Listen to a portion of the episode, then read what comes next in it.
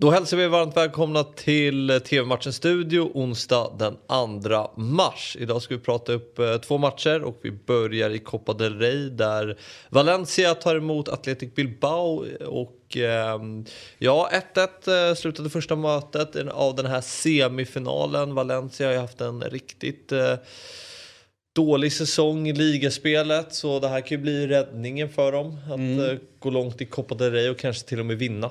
Ja, men det är imponerande att, att plocka på sig en poäng borta mot eh, Atletico. Det vill säga, eh, alltså matchen hade kanske levt ändå även om eh, Atletic kanske hade vunnit på hemmaplan. Mm. Men, men liksom oavgjort borta är ett jättefint resultat för Valencia.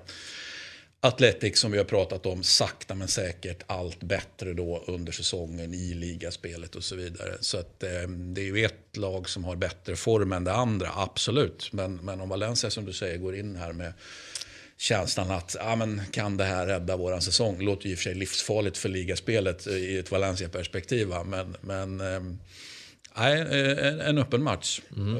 Jag, jag, kan tänka mig argumentera för alla tre tecknen här. Ja, innan vi slog på kamerorna så pratade du ju lite om Batman.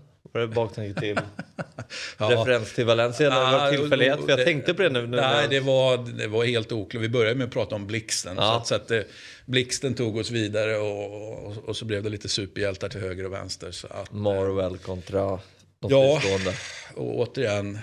Eh, alltså, man kan ju prata pandemi också och covid. Så är det. Men vi väljer, det. Men vi väljer Batman Vi väljer istället. Batman, den, den ljusa sidan. Ja, precis. För vi gillar ju Batman.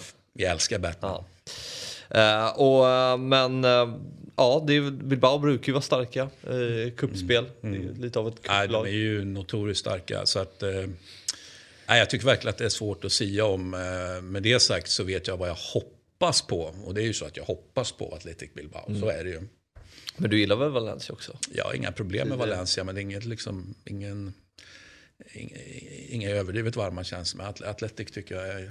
Jag har en tendens till att gilla lag från basken. Ja, jag vill erkänna. Ja, ja. ja, men jag tyckte Valencia, nu var ju jag väldigt ung då, men i efterhand har man förstått med det Benitez gjorde med Valencia under början av 00-talet. Hector Cooper! Hector Cooper också, med, med kontringsfotbollen, den snabba. Ja, kontringsfotboll gör ju mig ingenting som du vet. Ja. det, det, det, är jag väldigt bekväm med. Va? Så att, eh, sen kan man alltid diskutera om de skulle ha vunnit ännu mer. De vann ju hemma i ligan så att säga. Men sen är det ju svårare såklart, ska vara svårare att vinna i, i Champions League. Va? Sen att de tog sig till final är ju jätte, liksom, Två gånger jättefint. Precis, eh, men, men det, det, känns också signifikativt att man faktiskt förlorade båda två. Mm. Ja, så är det verkligen. Och um, ja, vad, vad, tänker du? Du argumenterar för alla tre tecken. Ja, det, jag tycker att det är hugget som stucket och sen så återigen det här med efter 90 minuter och sen och så vidare. Vad som händer efter 90. Det är... Nej, ska vi säga att det här avgörs eh, inte efter 90 utan att vi har 1 då efter 90 och så, och, så, och så blir det hur spännande som helst då med förlängningar och grejer. Mm, spännande! Uh, ratta in eh, Sportbladet Play alltså 21.00 när matchen drar igång och så har vi en riktigt trevlig semifinal att se fram emot. Uh, nu till ett annat kuppmöte och en annan semifinal. Det är Nantes som tar emot Monaco. Det är eh, två eh, klassiska klubbar får man ändå säga det här som gör upp om en finalplats i, i kuppen. Och om man tittar på ligaspelet så är det ju väldigt jämnt mellan klubbarna. Man står på samma mm. poäng så det är ovisst det här. Ja, och det är väl inte så kul för Monaco att det är precis jämnt i ligaspelet. Det det, det, Monaco har väl såklart tänkt sig någonting annat då. Mm. Och det är någonting annat man tänker sig framförallt med de senaste, säg tio åren. Liksom att ja, men det ska väl egentligen se annorlunda ut. Men spännande läge och sen ska vi också eh, ha med pusselbiten då att vi har ju faktiskt ryskt ägande då i Monaco, Rybolovlev. Eh, så det är ett oligarklag mot, mot, eh, mot Nantes här. Det, det, är i alla fall en pusselbit i den situation som nu mm. ja, råder i, i Europa och världen. Såklart. Uh, Nantes också, uh, Chippens gamla klubb. Christian Wilhelmsson var ju där.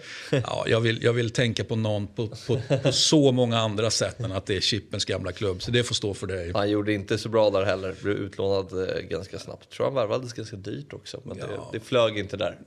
Nej, nej det, det gör ju inte det. han vet vilken klubb han lånades ut till?